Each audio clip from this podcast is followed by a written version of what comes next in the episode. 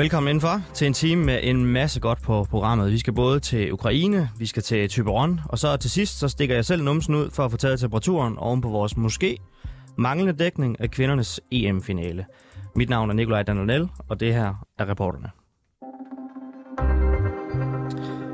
Først tager vi en tur til VLTJ's endestation Typeron. Skal fiskeauktionerne have lov at sætte deres åbne kasser med fisk på gulvet, og så have lov at stable dem rundt oven på hinanden. De har gjort det altid, siger de, og det er der ingen problemer med. Men nu er fiskeauktionen i Typeron blevet politianmeldt af Fødevarestyrelsen for brud på reglerne.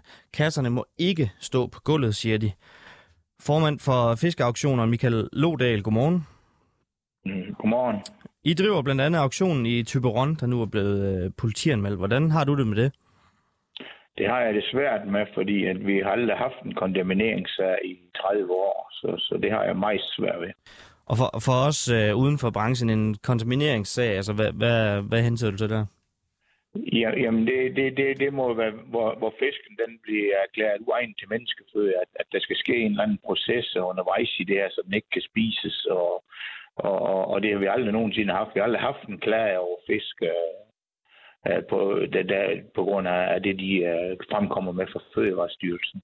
Så du mener altså slet ikke, der er nogen risiko for, at nogle af de her bakterier fra bunden af kasserne på gulvet, de, bliver, de kommer med oven på fiskene, når de bliver stablet oven på hinanden?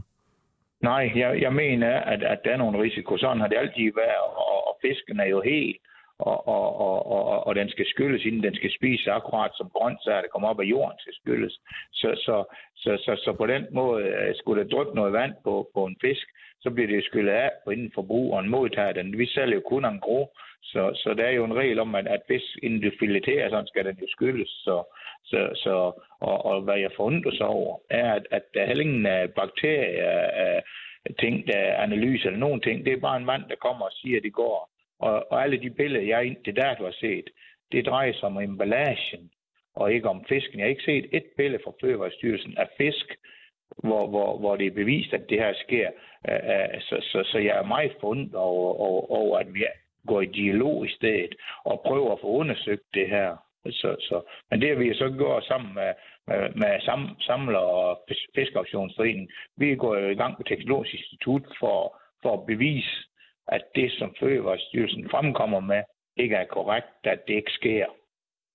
Men hvis man nu skal tage en tommelfingerregel, så er det vel et meget godt princip, at når man har med fødevarer at gøre, at så slipper man ikke noget fra jorden oven på, på andre fødevarer. Så hvorfor er det så vigtigt for jer, at I skal lov til at stille madvarer på gulvet? Jamen, de står, det står ikke på gulvet. Det er emballagen, der står på gulvet. Øh, det, det skal man lige huske. Og, og man kan jo forestille sig, når vi får 20-25 arter med fisk i for eksempel 1.500 kasser ind i hallen, så skal de der 20-25 arter deles ud i op til fem størrelser, i op til otte datoer, for at få dem til at stå i den rigtige størrelse, i den rigtige dato og det hele, inden vi, inden vi kan sætte dem til salg for den nyeste fisk først, og så ligesom de bliver ældre til. Og så kan man jo selv regne ud, hvor, hvor, hvor en stor virvare det her det er, når man, når man har, har så mange fiskekasser, man skal have flyttet ind ud fra 25 forskellige. Med, med, det kan du jo begynde gange op, 25 forskellige gange 5, dage, 5 sortering gange øh, 7-8 dage. Så, så er det masser, der skal håndteres, øh, inden du har sat dem op. Når vi så sælger dem, så står de jo 5 og 5 på paller.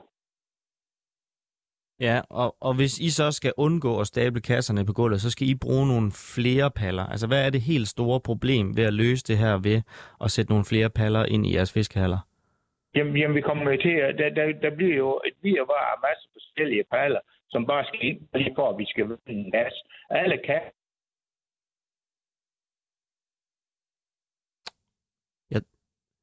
Jeg tror lige, vi har mistet... Øh, Nummer to. Nå, du er tilbage igen, Michael Lodal. Du var lige hurtigt ude i 5 sekunder, så hvis du lige har sagt noget blændende godt, så øh, må du gerne gentage det. Det tror jeg, jeg har. Men, men, men jeg siger, når, når, når vi får det ind, hvis vi, når vi skal sortere, hvis vi kommer til at skal sætte, sætte paller overalt, så bliver det her jo meget, meget vanskeligt at, at, at sortere øh, øh, fisken. Og, og, og hver anden kasse kan du risikere, at der skal drejes rundt, så du skal jo stort set have en pal for hver eneste kasse, for du skal komme af med den, når det losses. Og, og, og det betyder 1500 kasser, det betyder, det betyder, det betyder 1500 paller, så skal du ende med at sætte dem op på måske to eller 300 paller. Altså det, det er jo Det, det, det, det kan ikke lade sig gøre? Nej, det, det, det er i hvert fald øh, fuldstændig uoverskueligt. Vi skal have dobbelt så stor aktionsalder. Og, og, og, og jeg har det ganske svært med, at det er bare teori, der afgør det her. Vi, vi, vi mener jo, altså, det har aldrig været en sag. Det er aldrig nogensinde nogen, der er klaret, er aldrig nogen. Så kan jeg passe, at, at, at en risikovurdering afgør, at hele proceduren skal laves om. Så skal man jo gå ind og finde ud af, hvad sker der rent faktisk, hvis det vand, det skulle være så uheldigt at ramme en fisk. Indtil der, du har ingen billede af en fisk, hvor, hvor, hvor, hvor, hvor der er drypper vand ned på eller nogen ting. Det mener vi også, der er lidt teoretisk, fordi kassen er jo ikke i berøring med jorden hele vejen. Den er jo konstrueret til det her, så den rører jo ikke jorden. Nu hører det til, men der er, jo en, der er jo fire fødder på den kasse, så er der en ram rundt om den.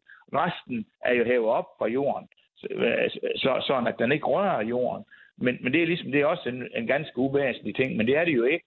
Så, så, så, så, så alt det der vand, Fødevarestyrelsen ligesom fremkommer med, det, det, er jo, det er jo et, et forkert billede, men der er jo aldrig nogen, der går i dialog med os for at forsøge. Øh, det kunne være, at der skulle nogle omkonstruere lidt på kassen, hvad ved jeg. De fører, der står, de, de, de rammer ned i en anden en, hvor, hvor der er hullet ud, så vandet det render ud af enden af kassen, og ikke ned i fisken. Men, men, men hele den der, men du kommer ikke i dialog, det er jo bare, de kommer bare frem, sådan her er det, det skal du også spille efter. Og, og, og, det, og vi, vi, kommer aldrig, vi går aldrig i en positiv dialog med på at finde nogle løsning.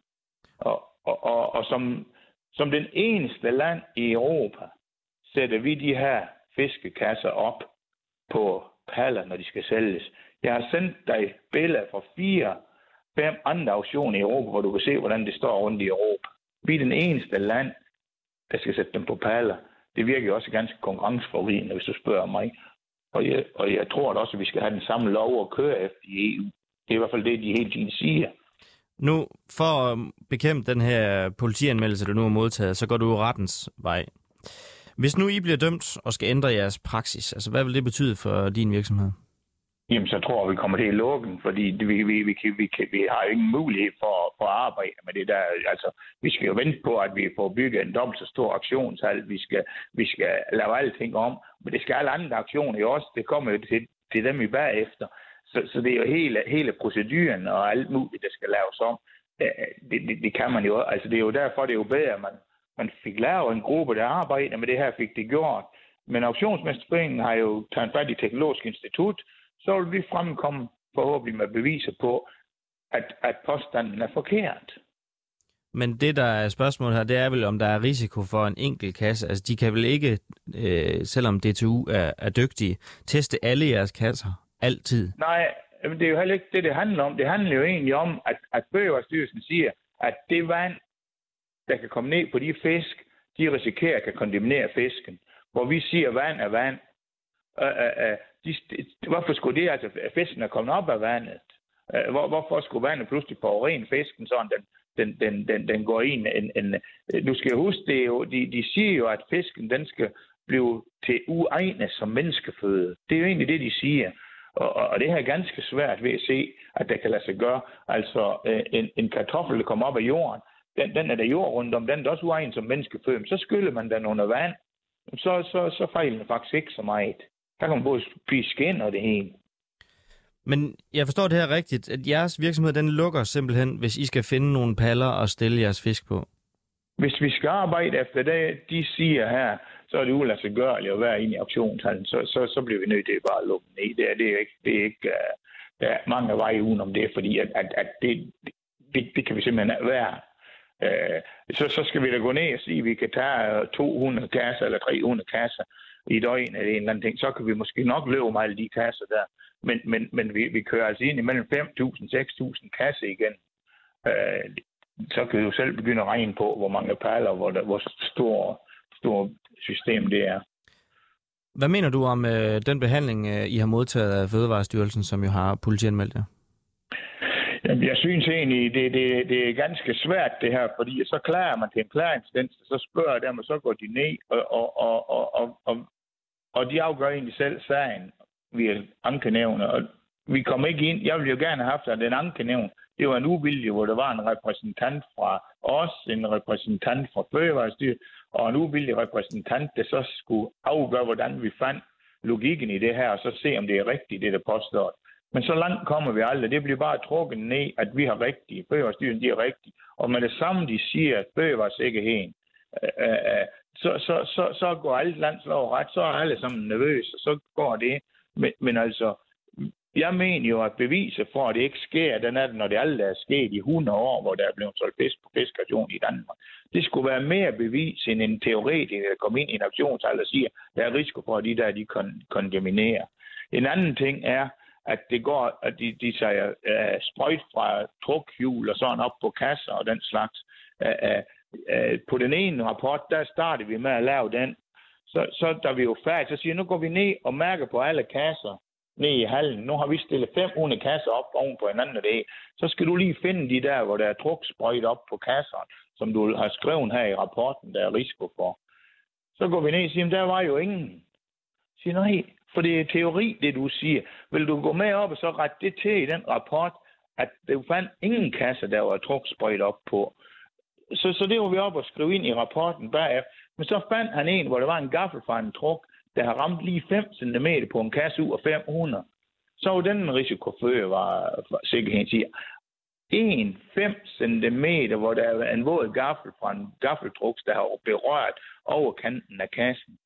Hvis det er en risiko for, for, for alt fødevaresikkerheden på en fiskaktion, så har jeg det meget, meget vanskeligt, for det tror jeg aldrig, vi kan undgå. Vi henter fisk nu ved fiskekutteren, tager den ind, øh, øh, håndterer dem rundt og får dem skilt ud i størrelse, som jeg har forklaret, sætter dem op til salg, tager fat i dem, når de er solgt, får dem pakket op til hver enkelt kunde. Vi har 270 kunder, der skal have de her forstærpet de kasser ovenhen og levere dem ud i lastbil, der kører dem afsted. Hvis vi kan undgå at ramme én kasse, det, det, det tror jeg simpelthen på, at der er en mulighed. Det, det giver vi videre til Fødevarestyrelsen lige om et øh, øjeblik. Michael Lodal, formand for Danske Fiskeauktioner. Tusind tak, fordi du var med. Selv tak. Tak for jer. Hej.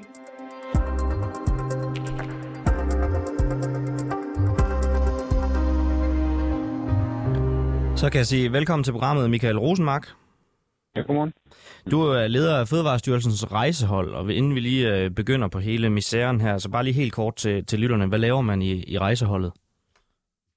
Og vi er sådan en uh, enhed, der blev nedsat for 16 år siden på baggrund af en fødevareskandale. Vi er sådan nogle tidligere politifolk og regnskabsfolk og folk fra fødevarekontrollen, som uh, uh, primært er sat i verden for at, at tage os af sager, med, hvor der er svindels med fødevarer, men vi tager også almindelige sager og vanskelige sager. Sådan. Så vi laver 2.000 ud af de der 60.000 kontroller, som, som øh, Fødevarestyrelsen laver. Jeg har selv en baggrund i politiet, og jeg har været nu har vi lige haft uh, Michael Lodal igennem, og han er lidt ude med riven efter jer. Han siger, at I slet ikke har forsøgt at uh, opstarte en god dialog, men I går uh, direkte til bidet. Altså, hvad, hvad er din udlægning af, af det? Øh, jamen, øh, min udlægning er jo, at øh, øh Fødevarestyrelsens øh, tilsynsførende helt tilbage i 2019 vejledte virksomheden om, at, øh, at kasser på gulvet var en, var en dårlig idé. Og så har vi så øh, indskærpet der i 2021, hvor vi jo partører virksomhederne for at høre deres, hvad kan man sige, deres argumenter, ikke? De øh, har valgt så at klage over afgørelsen, og den har så været forelagt øh, klagenævnet, og klagenævnet det er sådan uvildig instans med en, øh, instans med en øh, landsretsdommer som, som formand. Og de gav os øh, medhold i, at, øh, at der er en regel, der hedder, at fødevarer skal så, hvad kan man sige, sikres mod kontaminering i alle led. Og der er de enige med at sige, at sætte kasserne på gulvet, så har man ikke, så har man ikke opfyldt det krav. Men, nej, helt konkret, ja. altså ved ja. den procedure, som det nu er, at stille ja. kasser med fisk på gulvet og så stable, altså ja. hvad, som I ser det, og grunden til jeres politianmeldelse, altså hvad er risikoen ved at gøre det? Der er risikoen ved, at øh, et, så øh, kører truksen rundt, så er der risiko for, at øh, der kan komme opsprøjt op. Altså, de her truks, de kører rundt ud på havnen, hvor der jo også er mågeklatter og andet. Og så kører de ind i hallen, og det er jo sådan set øh, fint nok, men når så kasserne står nede på, på gulvet, så er der risiko for, at der kan komme opsprøjt. Og så også, når man øh, har haft kasserne stående på gulvet, og man så, øh, hvad kan man sige, i, i, i den senere proces, der stavler man jo kasserne igen. Øh, så er der en risiko for, at man stiller en beskidt kasse oven på en, på en ren kasse, så kan det så øh, kontaminere kasserne. Michael Lodal, han øh, siger, at det her det er jo teoretiske øh, risici. Altså hvis vi nu skal tage det konkrete, øhm, har der været nogle tilfælde øh, med det nogensinde i dine 16 år i Fødevarestyrelsen? Nej, nu ser jeg jo ikke alt, men nej, jeg er ikke bekendt med tilfælde lige præcis, øh, lige præcis, at man har kunne, hvad kan man sige, føre kæden tilbage til, til, øh, til en fiskaktion. Men nu hører det så også med til historien, at øh, det er jo ikke sådan så, at øh, alle danskere, som har tynd mave en dag, øh, ringer til Fødevarestyrelsen og, og, og anmelder det. Øh, og når der er nogen, der anmelder det, så er det jo i de tilfælde, hvor at der er sådan et, et større udbud, og mange er blevet syge, at man starter sådan en øh, efterforskning op. Ikke? Og, men men alle, alle danskere behøver jo heller ikke ringe for, at der bare var ét tilfælde på 16 år. Nej, nej, men, men typisk så vil man jo også i sådan en, en opsporing. Der ender man jo, øh, vil, ofte vil man ende i et led, et senere led i produktionen, hvor man øh, konstaterer, at der har været en eller anden form for, for svigt i, i for eksempel hygiejnen i opvarmningen eller i, i, i nedkølingen. Ikke? Så, så derfor så har vi, jeg, ikke, ikke meget bekendt, har vi haft nogle sager, der er endt tilbage med men taler, ta, taler det ikke en lille smule for hans ja. argument, at det er en risiko, som findes på skrivebordet, men ikke i virkeligheden ude i auktionshallerne? Jeg synes, øh, jeg ved, jeg ved ikke, om du synes, sammenligningen er dårlig, men øh, hvis jeg nu for eksempel har kørt øh, skadefrit i 30 år, behøver jeg så ikke at tegne forsikring, og behøver jeg så ikke at overholde hastighedsgrænserne. Det er jo, øh, det er jo risikoen, vi kører på. Vi siger jo ikke konkret. Altså hvis vi konkret havde vurderet, at fiskene den dag, vi var der, var kontamineret, så havde vi jo påbudt, at de skulle destruere. Det beslaglagt noget og få dem destrueret. Ikke? Men det er jo risikoen. Det er jo, at man udsætter øh, hvad kan man sige, det for et risiko, og så efterlader man også et eller andet sted, øh, giver aben videre til de næste led. Og jeg, jeg har hørt godt argumentationen omkring øh, grøntsager og fiskene også at svømme ude i havet. Ikke? Men, men øh, der render også mus og rotter rundt ude på grundmarken, hvor kornet står. Men øh, derfor må der jo ikke være mus og rotter inde hos bæren, når han senere står med sit mel. Men det her er jo nogen led før inde ved bæren. Altså, det er jo ikke ved fiskehandleren, det er jo i auktionshuset. Ja, ja, men det er jo sådan, at øh, et eller andet sted skal det jo skilles. Og man kan sige, at man lever med, at der er mus og rotter på marken. Men lige så snart, at fødevaren ender i det, vi kalder fødevarevirksomheder, så træder reglerne for fødevarevirksomheder i kraft. Og der har man jo besluttet, at i alle led skal man gøre, hvad man kan. Der er ikke nogen led, der får lov at hvad kan man sige, køre på frihjul og sige, vi gør ikke noget, men vi efterlader det det må de efterfølgende ledelser øh, håndtere. Hvis jeg lige skal prøve at vende den om også her, ja. fordi han siger, at de altid har gjort, som de gør. Hvorfor har I mm-hmm. først øh, gjort noget ved det her nu? Jamen faktisk så øh, var EU-kommissionen, de har sådan en øh, enhed, øh, der tager rundt til EU-landene for at sikre, at øh, alle lande laver en fornuftig kontrol, fordi varerne kan jo frit bevæge sig i Europa, og derfor så skal alle lande leve op til nogle, nogle standarder i kontrollen og ikke øh, bare lade stå til. Og EU-kommissionens kontrolenhed, de var på besøg i Danmark og kiggede på fisk. Og der fik Danmark en, øh, det, der hedder en anbefaling, du kan kalde det en, en næse eller en indskærpelse, at de ligesom havde konstateret, at øh, Fødevarestyrelsen under sin kontrol, hvor de var med, ikke øh, slog ned på det med kasser, der, i, der stod på gulvet i aktionshus. Så EU-kommissionen, de øh, sagde til os, det skal I fremadrettet gøre bedre. Så, så vi har fået en, hvad kan man sige, en anmærkning på, at øh, vi, skal, vi skal slå ned på det her, fordi EU-kommissionen også vurderer, at der er en risiko for kontaminering. Det er jo så selve tidsaspektet. Han fortæller også, at på de andre auktioner, hvor han jo også øh, har sin, øh, sin gang, der gør de også det samme. Men det er stadigvæk kun i øh, Typeron, der er faldet en øh, politianmeldelse. Har I styr på de steder, I inspicerer? Altså, jeg, øh, har, jeg har jo ikke været alle steder, kan man sige. Det kommer an på, hvad man ser på dagen, kan man sige. Øh, vores kontroller er jo et øjebliksbillede, når vi går ind i virksomheden og laver kontrollen. Og jeg kan jo, øh, jeg kan jo ikke vide, om der stod kasser på gulvet ved de kontroller, hvor man ikke har fået anmærkninger, eller om det gjorde. Øh, så det er lidt svært at, at forholde sig til. Men hvis der har stået kasser på gulvet, så burde vi have øh, reageret på det. Så det, det er en fejl, hvis der ikke er blevet reageret på, når kasserne de står, de står på gulvet på de andre fiskeauktioner?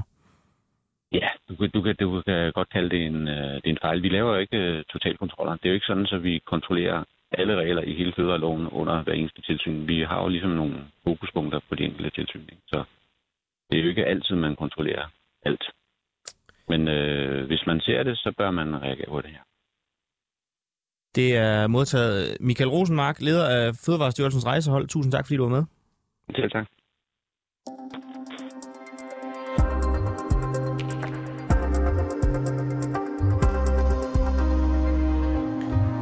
Og så har vi en gæst mere med til at gøre os lidt klogere på hele misæren her. Det er professor i mikrobiologi og fermentering ved Københavns Universitet, Susanne Knøkkel. Godmorgen. Godmorgen. Er det et problem, at øh, kasser med fisk står på et vådt gulv og bagefter bliver stablet oven på hinanden? øhm, ja og nej, vil jeg sige. Øhm, altså man kan sige, at det er jo nogle regler, der har været i lang tid, og det er ikke bare regler, som er på, på, på, på fødevarevirksomheder. Det det er faktisk også nogle regler, som er ude på bådene. Øh, men, men man kan også sige, at det er... Det, jeg tror ikke, det er noget, man har gået så højt op i tidligere. Altså faktisk har der øh, tilbage i 70'erne var der store diskussioner omkring øh, øh, fiskerbåden og hygiejne på fiskerbåden, og der, der lavede man nogle forsøg, øh, hvor man prøvede at have sådan ekstrem god hygiejne, og så sådan en normal hygiejne, og så sådan en, en ringe øh, hygiejne med gamle, øh, med gamle beskidte fiskekasser. Og det var sådan nogle forsøg med helt iset fisk, og konklusionen dengang, det var så, at, at, øh, at, at det betød ikke så forfærdeligt meget. Øh, det gav måske øh, nogle få dages ekstra holdbarhed i den sidste ende med den ekstremt gode hygiejne. Øhm, men, men ellers så var langt, langt det vigtigste, det var at holde temperaturen nede. Øhm, og det kan man sige, at det, det tror jeg så, at man tænkte over dengang. Det var så måske ikke det helt store øh, problem. Men, men så kan man så sige, at der er jo så sket nogle ændringer siden, øh, siden dengang. Mange af de her forsøg faktisk, der både har øh, påvist det ene og det andet, er faktisk sket i Danmark, som har været langt fremme øh, i skoene med, med hensyn til at lave øh, forsøg af, af, af den her art. Men det var så kvaliteten, man snakkede om der. Så med hensyn til sikkerheden, så opfatter vi måske fisk også en lille smule anderledes, end man gjorde dengang. Fordi dengang, der tænkte man hele tiden på, at fisk blev stegt eller kogt, ikke? Øh, inden, øh, inden man spiste den. Og det gjorde så, så hygiejnen omkring den hele nyfangede fisk lidt mindre vigtig.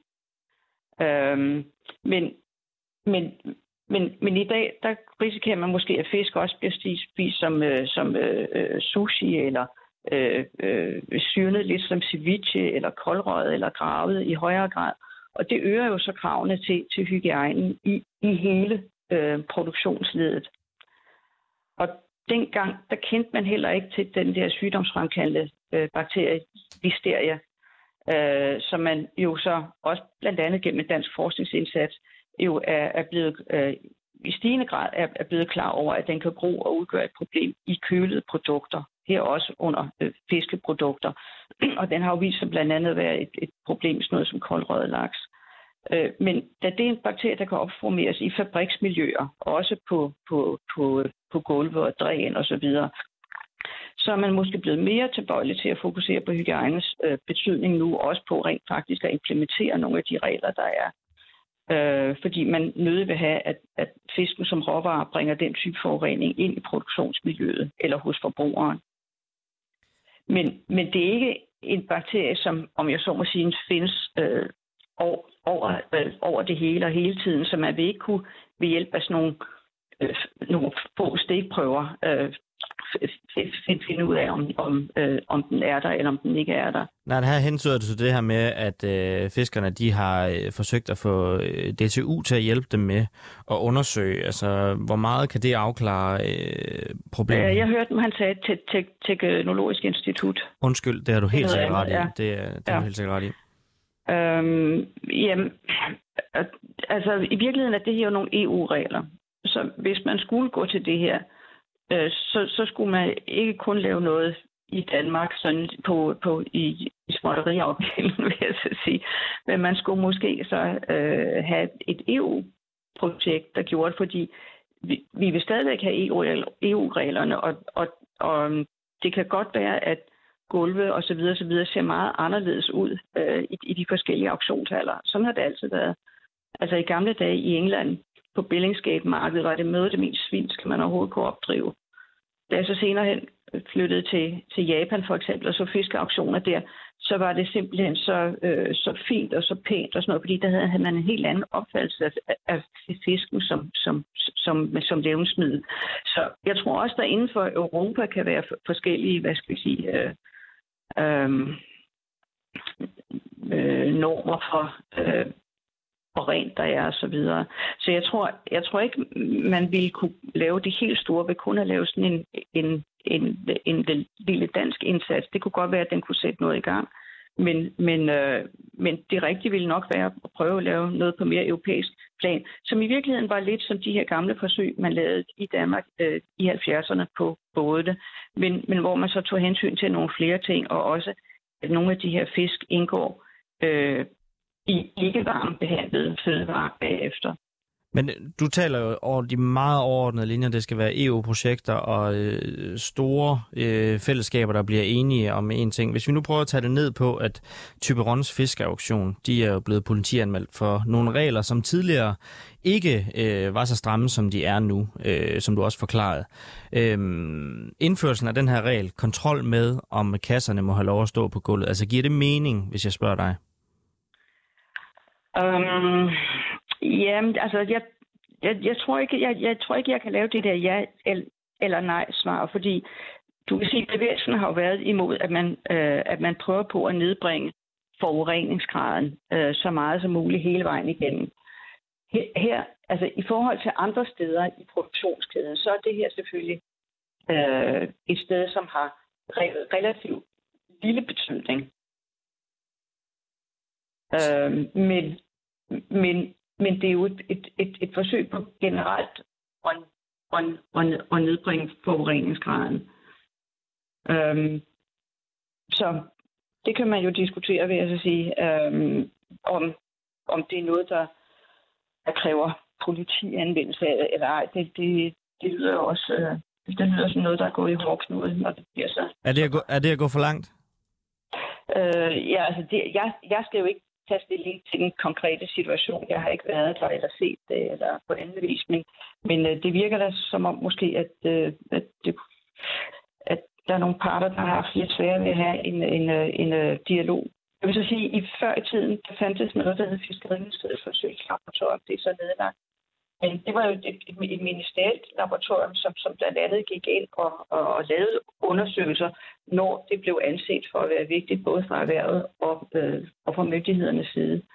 Øhm, og hvad skal vi sige, det, øh, øhm, man har måske ikke mere sådan nogle fikspunkter, hvor man altså, kunne hvad skal vi sige, snakke sig fagligt til rette og finde ud af, hvad, hvad er det så, man skal gøre, og hvad skal man lægge vægt på, og hvilke undersøgelser skal, skal eventuelt sættes i gang.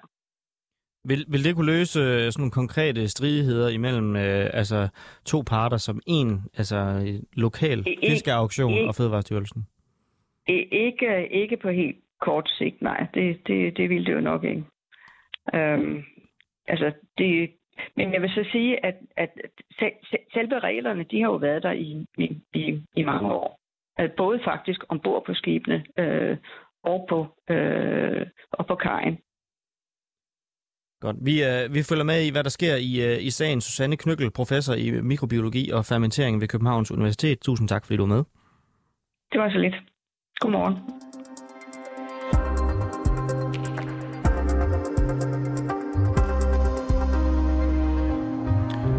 Nu skal vi til det østlige Ukraine, hvor lyden af bravende bombardementer kan høres døgnet rundt. De seneste dage har russerne angrebet byen Bakhmut, hvor flere meldes dræbt. Under en times kørsel derfra, der ligger Donetsk-regionens største by, Kramatorsk, og her er de flere gange blevet ramt af russiske missilangreb, blandt andet ved byens banegård. Men alligevel er det altså ikke alle byens borgere, som mener, at det entydigt vil være en dårlig udvikling, hvis russerne kom dertil. Det gælder blandt andet ukraineren Andrej, som du skal møde nu. Я так скажу, российской армии я абсолютно не боюсь. Jeg er absolut ikke bange for den russiske her. Hvis der kommer nogle ændringer her, vil det være ganske naturligt og normalt, fordi Ukraines politik har ført til krig, og før eller siden må krigen også slutte. Den 48-årige Andrej, som bliver oversat af min kollega Oliver Bernsen, mener, at medierne lyver om, hvad der sker i krigen, og at de øh, ukrainske politikere har skabt splittelse i det ukrainske samfund. То есть я являюсь русскоязычным человеком, живущим в Украине. Для того, чтобы я был как бы абсолютно лоялен к этому государству, должны быть... Jeg er en russisktalende person, der bor i Ukraine. For at jeg kan være absolut lojal over for denne stat, skal mine rettigheder beskyttes. En væbnet invasion af Rusland begynder, og russisktalendes rettigheder i Ukraine er ødelagt. Det ser ud til, at den russisktalende befolkning her er skyld i, at Rusland invaderede. Det er den forkerte politik. Det er jo så en ting, de ukrainske politikere, men Andrej han mener også, at der i det ukrainske militær gemmer sig nazister, som han også påstår, at han selv har mødt. Я побывал у них в батальоне Днепр-1, меня вывозили в 2014 году. Ja, det er sandt. Der er mange nazister i Ukraine. Jeg besøgte Asovs bataljon, hvor jeg blev taget i 2014. De lagde en pose over mit hoved. De slog mig, brækkede min ribben, fordi at jeg i 2014 boede præcis det samme sted her i byen faktisk. Da jeg senere blev indkaldt til afhøring hos Sikkerhedstjenesten SBU, så jeg det her flag med en ulvekrog på væggen. Er det ikke nazisme? Stefan Weikert, godmorgen. Godmorgen. Du er dansk journalist i Ukraine, og det er dig, der har talt med Andrej, og her til morgen så er du så med fra netop øh, Kramatorsk. Når vi hører Andrej her, så lyder det næsten som om, at han håber, at øh, russerne kommer til byen. Hvor- Hvorfor gør han egentlig det? Jamen det gør han, fordi han føler sig grundlæggende øh, mere russisk, end han føler sig ukrainsk. Og så føler han, at han øh, som russisk talende person i Øst-Ukraine øh, får lidt skylden af, af Ukraines øh, politikere for, at det her det finder sted. Altså at han mener, at i de ukrainske medier bliver der fortalt, at, øh, at vi ikke kan stole på de der russisk talende øh, ukrainer i Øst-Ukraine osv. Og det føler han lidt, at, at at han bliver bebrejdet bare for at tale russisk, øh, selvom han jo bor i Ukraine, og, og derfor så føler han på en eller anden måde, at han bliver skubbet væk. Altså han ikke er en del af den ukrainske stat. Og, og det her med, med de ukrainske politikere også, altså dem retter han også en, øh, en vis øh, kritik af, at de skulle splitte befolkningen, eller hvordan øh, skulle vi forstå det helt præcist? Øh, ja, præcis. Altså, han mener jo, at, at øh, for eksempel peger, påpeger han den her sproglov, som er blevet vedtaget i, i, øh, i Ukraine, hvor blandt andet man, man gør klart, at når man øh, kommunikerer med, øh, med det offentlige osv., så, så skal det foregå på ukrainsk. Øhm, og det føler han jo som en person, som har talt russisk øh, som første sprog øh, gennem hele sit liv, helt fra barnsben, øh, som taler det med hans familie, øh, og som med alle sine venner osv., og, og så føler han jo, at det føler han som lidt et overgreb på hans rettigheder øh, at han lige pludselig skal til at snakke ukrainsk. Øhm, og det er det, øh, og det er det, det er ligesom sådan nogle ting, som det han gør, at øh, han siger, der gør, at de ukrainske politikere, de splitter befolkningen. Altså der er ligesom et A-hold, som han siger, det er det vestlige og centrale Ukraine, og så er der de her andenrangsborgere, som han føler, og det er de her folk i Øst-Ukraine, og det gør ham vred. Hvor, hvor udbredt er den vrede i, i, i Kramatorsk? Det er svært at sige. Altså, øhm, jeg plejer at sige, at der er så måske en 10-15-20 procent, der måske er dem, vi kan kalde lidt mere pro-russiske i, i Kramatorsk, altså så folk som for eksempel André her. Øh, og så er der måske samme, samme størrelse, 10-20 procent, som er meget pro-ukrainske, og så har vi en kæmpe gruppe, som bare rigtig, rigtig gerne bare vil have fred og sådan set er lidt ligeglade. Øh, men, men der er generelt øh, sådan bredt over dem en, en, en idé om, at at livet i kramatorisk ikke er så godt, som det var førhen. Altså, altså før øh, krigen øh, startede i 2014. Øhm, og man føler lidt, at de ukrainske politikere har lavet være med at investere så meget i regionen. At, at de har ligesom har accepteret, at, at folk skal leve i, i meget fattigdom her, hvor arbejdspladserne forsvinder. Og derfor så er der generelt set ikke specielt stor glæde over de ukrainske politikere, øhm, øh, når man kommer på gaden her i Kramatorsk.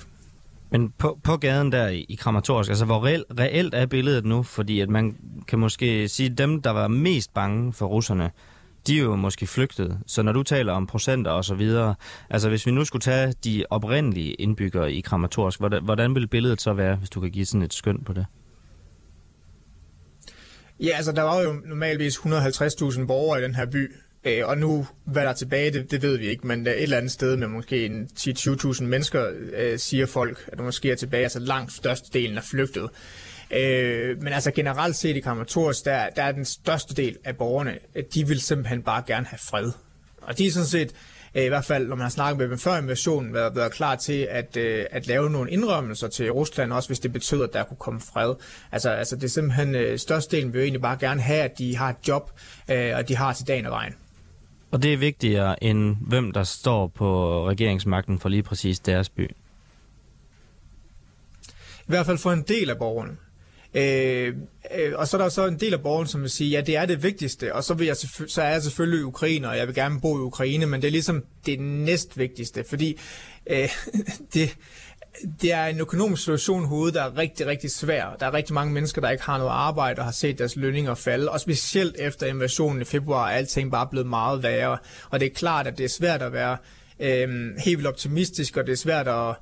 Øh, altså være sådan for almindelige borgere, som måske ikke er i hæren, og som måske ikke har folk, der kæmper ude ved, ved fronten. Altså det, det er svært for dem at se, hvorfor vi skal, hvorfor vi skal kæmpe, øh, hvis det er sådan, at de har svært ved at få, få, få mad på bordet. Det er i hvert fald det, de fortæller. Hvad så med det her angreb tilbage i april, hvor øh, Banegård blev ramt af et øh, russisk missilangreb? For nu tænker jeg bare, at dem, som er der nu, som siger, at det ikke vil gøre dem så meget, hvis russerne kom. Altså den dag, der var der 59 ukrainer, der blev meldt dræbt. Altså var de ikke hjemme den dag, eller hvordan kan de stadigvæk være friske på, at russerne de kommer til byen? Ja, det er sådan lidt et, øh, et, et, et, et spredt billede. Nu hørte vi simpelthen fra André før, og han vil jo sige, at det her, det er ikke, øh, altså det her, det er ikke russerne, der har ramt den banegård. Han mener jo, at det er ukrainerne selv, der har ramt deres egen banegård for at beskylde russerne for det. Så der er nogle af de der meget pro-russiske stemmer, som simpelthen slet ikke tror på, at Rusland kan finde på at gøre sådan nogle ting.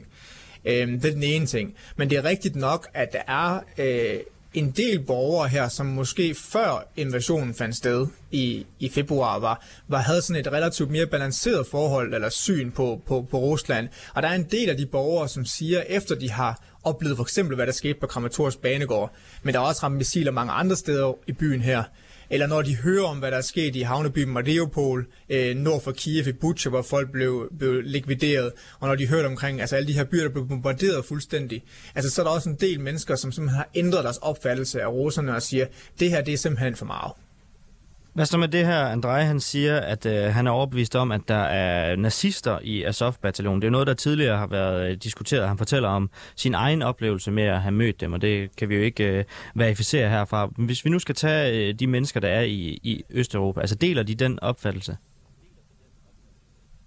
Øst-Ukraine. Ikke alle. Det er langt fra, langt fra alle, der gør det. Der er, det. Det er stadigvæk den mindre gruppe, som, som André her, som, som er virkelig altså, tror på alt det, som, som Rusland fortæller. For eksempel omkring det her med, at der skulle være øh, nazister i Azov-bataljonen, altså som for eksempel Rusland kører rigtig meget på i deres medie. Men der er altså, man skal ikke underkende, at der er en, en, en del af de her borgere herude, som, som venter på, at russerne kommer, altså håber på, at russerne kommer og tror på en bedre fremtid, og som tror på rigtig mange af de ting, som, som de russiske medier fortæller.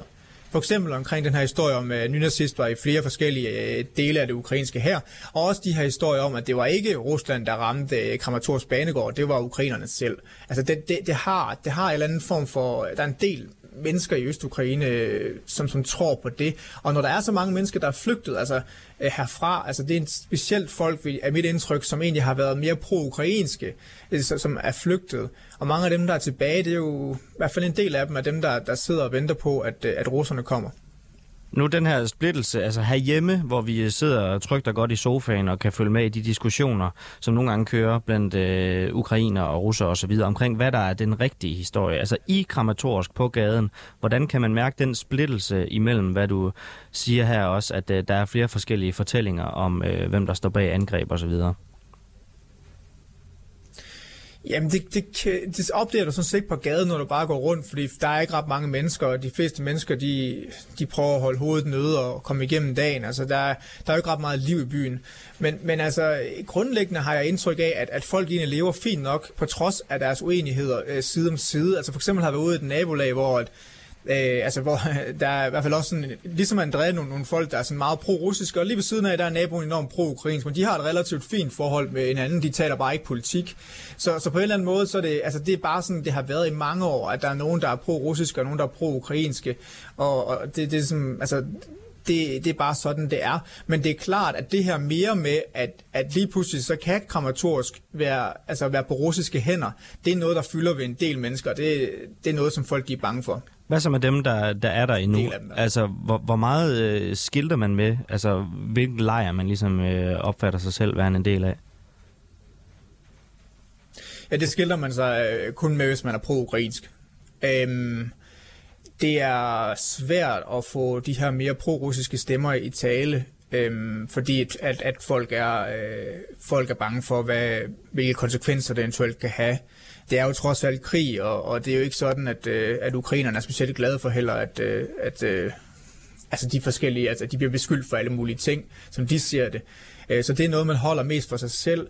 Øh, og når jeg er rundt på gaden, så er det lidt nemmere for mig at få folk til at snakke, når det for eksempel er et dansk medie, man kommer fra, øh, så, og man ikke har en oversætter med af sig selv klar at snakke med dem, så er det lidt nemmere for dem til at åbne op. Hvis du har en ukrainsk med, så er det, så er det rigtig svært, fordi så er de bange for, hvem den person er, om de måske snakker om militæret og sådan noget. Så, så generelt set, det er noget, man holder for sig selv, hvis man i hvert fald hvis man er pro-russisk. Øh, nu hørte vi jo fra Andreje, at øh, han var ikke så bange for, at, øh, at russerne kommer i hvert fald. Øh, hvad ser du? Øh, er der, er der nogen tegn på, at øh, russerne rykker tættere på Kramatorsk? Ja, på, på en måde er der, men altså over den sidste måned er den russiske offensiv hoved øh, blevet bremset. Øh, det vil ikke sige, at den ikke går i stå, men den er blevet bremset. Ukrainerne har haft held med, specielt efter de her vestlige våbenleverancer, til at, øh, til at øh, slå øh, den russiske fremmarsch stykker, kan man sige. Men, men der er stadigvæk øh, russisk øh, succes øh, i den øh, øst for, for Kramatorsk i byerne, for eksempel Bakhmut, Øh, og, og, det, og det, så, det, så det fortsætter stadig, og det, det, det er jo ikke over jo. Altså man kan sige, at Kramatorsk, der kan man sige, at man kan ånde lettet op, hvis man øh, og sige, okay, vi, vi, den umiddelbare fare for, at russerne kommer i morgen, den er ikke særlig stor, men på den anden side, så kan vi stadigvæk se, at, at russerne kommer tættere og tættere på. Så det er stadig en usikkerhed, de her borgere, de lever i, hvor, at, hvor man ikke ved, hvordan situationen ser ud om et par uger. Altså nu er de der jo fortsat, men hvordan forholder de sig til den her usikkerhed? Ja, ja det, Altså, de, der er mange, der siger, øh, at øh, lige nu, fordi Kramatorsk er, er langt nok væk fra fronten til, at de ikke kan blive ramt af russisk artilleri, så er situationen ikke helt vildt dårlig, siger folk. Ja, vi kan stadigvæk blive ramt af russiske missiler, men det kan hele Ukraine. Øh, er der i hvert fald deres argumentation.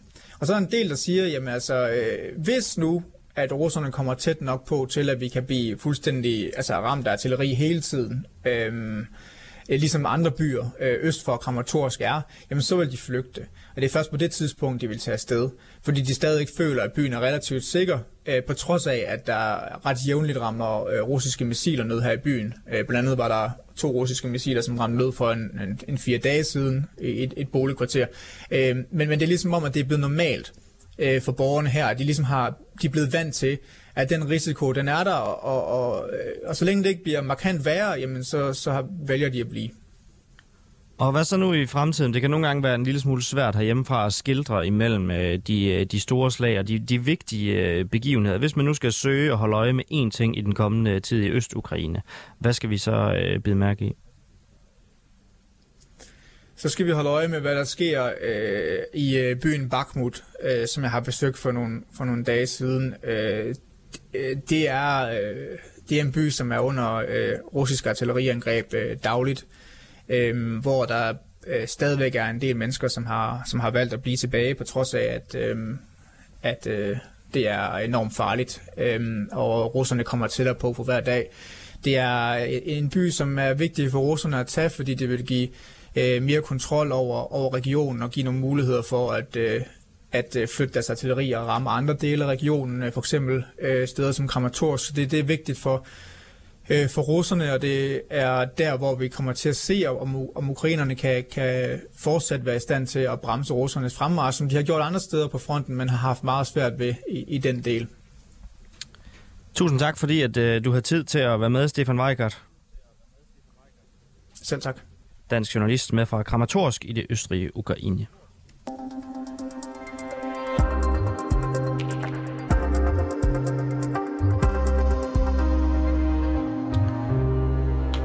Hvis du ser meget fodbold i fjernsynet, og måske særligt når det er kvinderne, der spiller, så vil du helt sikkert argumentere for, at vi her på reporterne manglede en øh, vigtig begivenhed i gårsdagens udsendelse.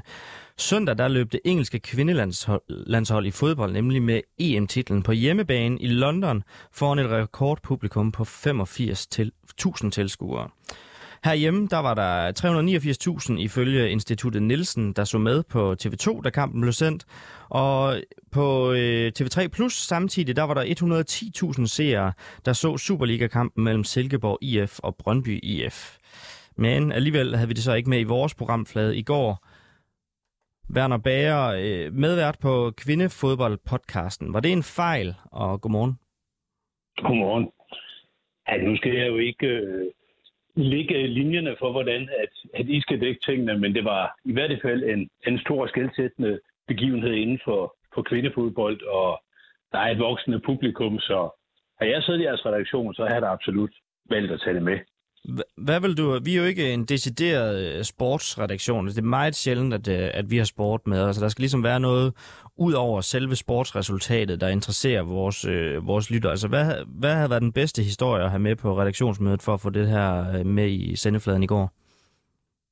En af de helt store overskrifter, synes jeg, er, at øh, England i mange år har man talt om, at man ikke har vundet nogen mesterskaber siden 1966. Det har været en lang tørke, og man prøver altid til alle øh, slutrunder og tale om, it's coming home.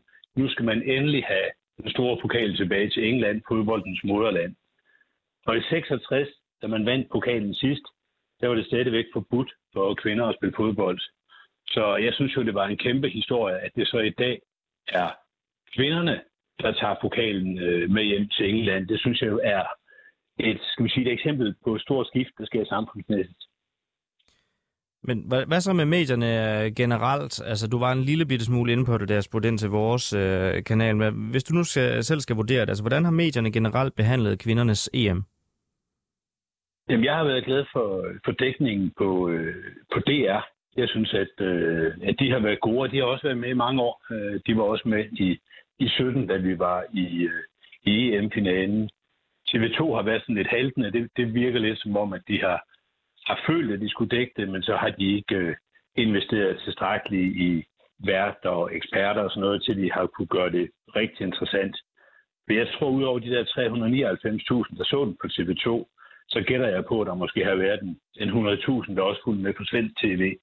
Øh, de er øh, bredt anerkendt i kvindefodboldkredse for at at lave meget bedre dækning. Altså, de har nogle eksperter, der ved, hvad de taler om, og ikke bare lige nogen, der har, der har læst op øh, til det, øh, til de kampe, der bliver vist.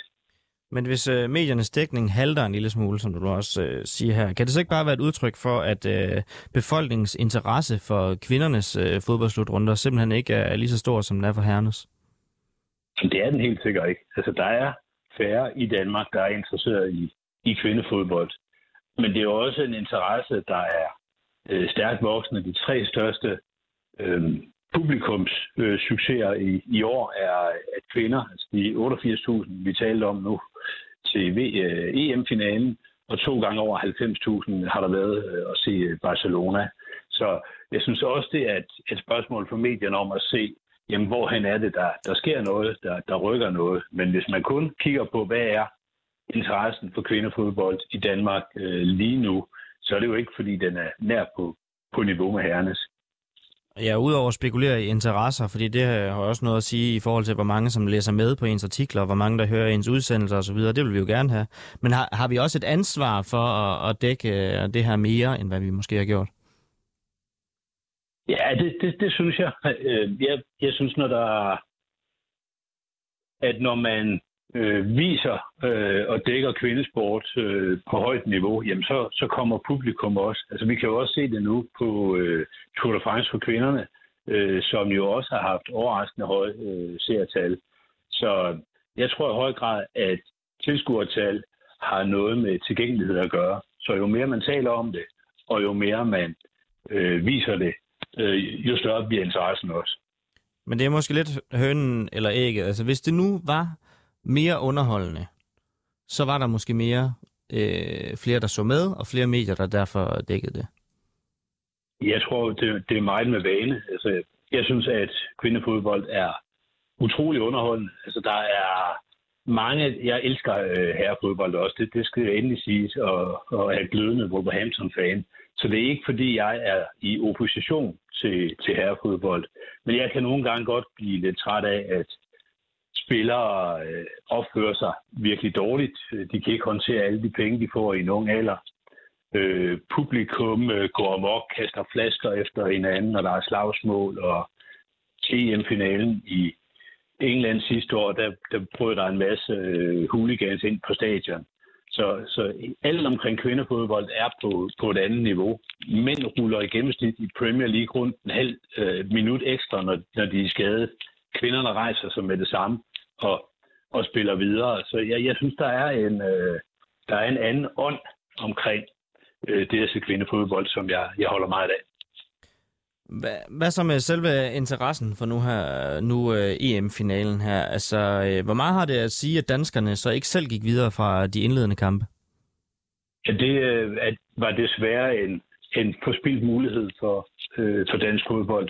Det ville have givet et, uh, et spark, også selvom de fleste øh, danske landsholdsspillere spiller i de udenlandske ligaer.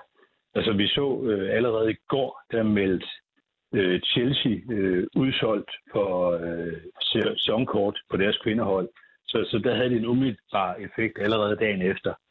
Og der kommer til at være en stor international effekt. Jeg tror rigt, rigtig i Danmark, at desværre vi, vi får den, den helt store effekt til at starte med, men forhåbentlig kan vi komme lidt med i slipstrømmen. Altså hele dækningen på tv er jo blevet meget bedre de, de senere år. Alle kampe bliver vist på, øh, på Viaplay og via kvindefodboldpodcasten og andre, der også er begyndt at, dække det bedre.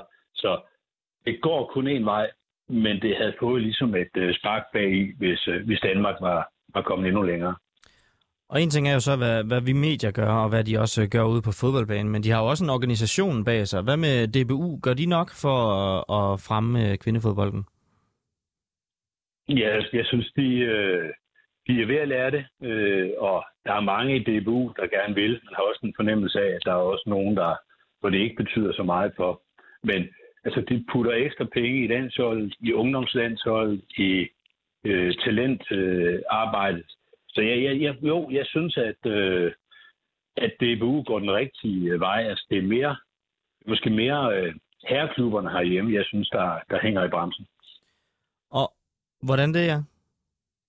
Ja, hvis man nu kigger på FCK og FC Midtjylland, de har ikke noget øh, herrehold. Og kigger vi ud over Europa, jamen, så er det jo Barcelona, det er Arsenal, det er Bayern München, det er alle de store herrehold, der har satset og været øh, lokomotiver i at, at drive kvindefodbolden i de lande.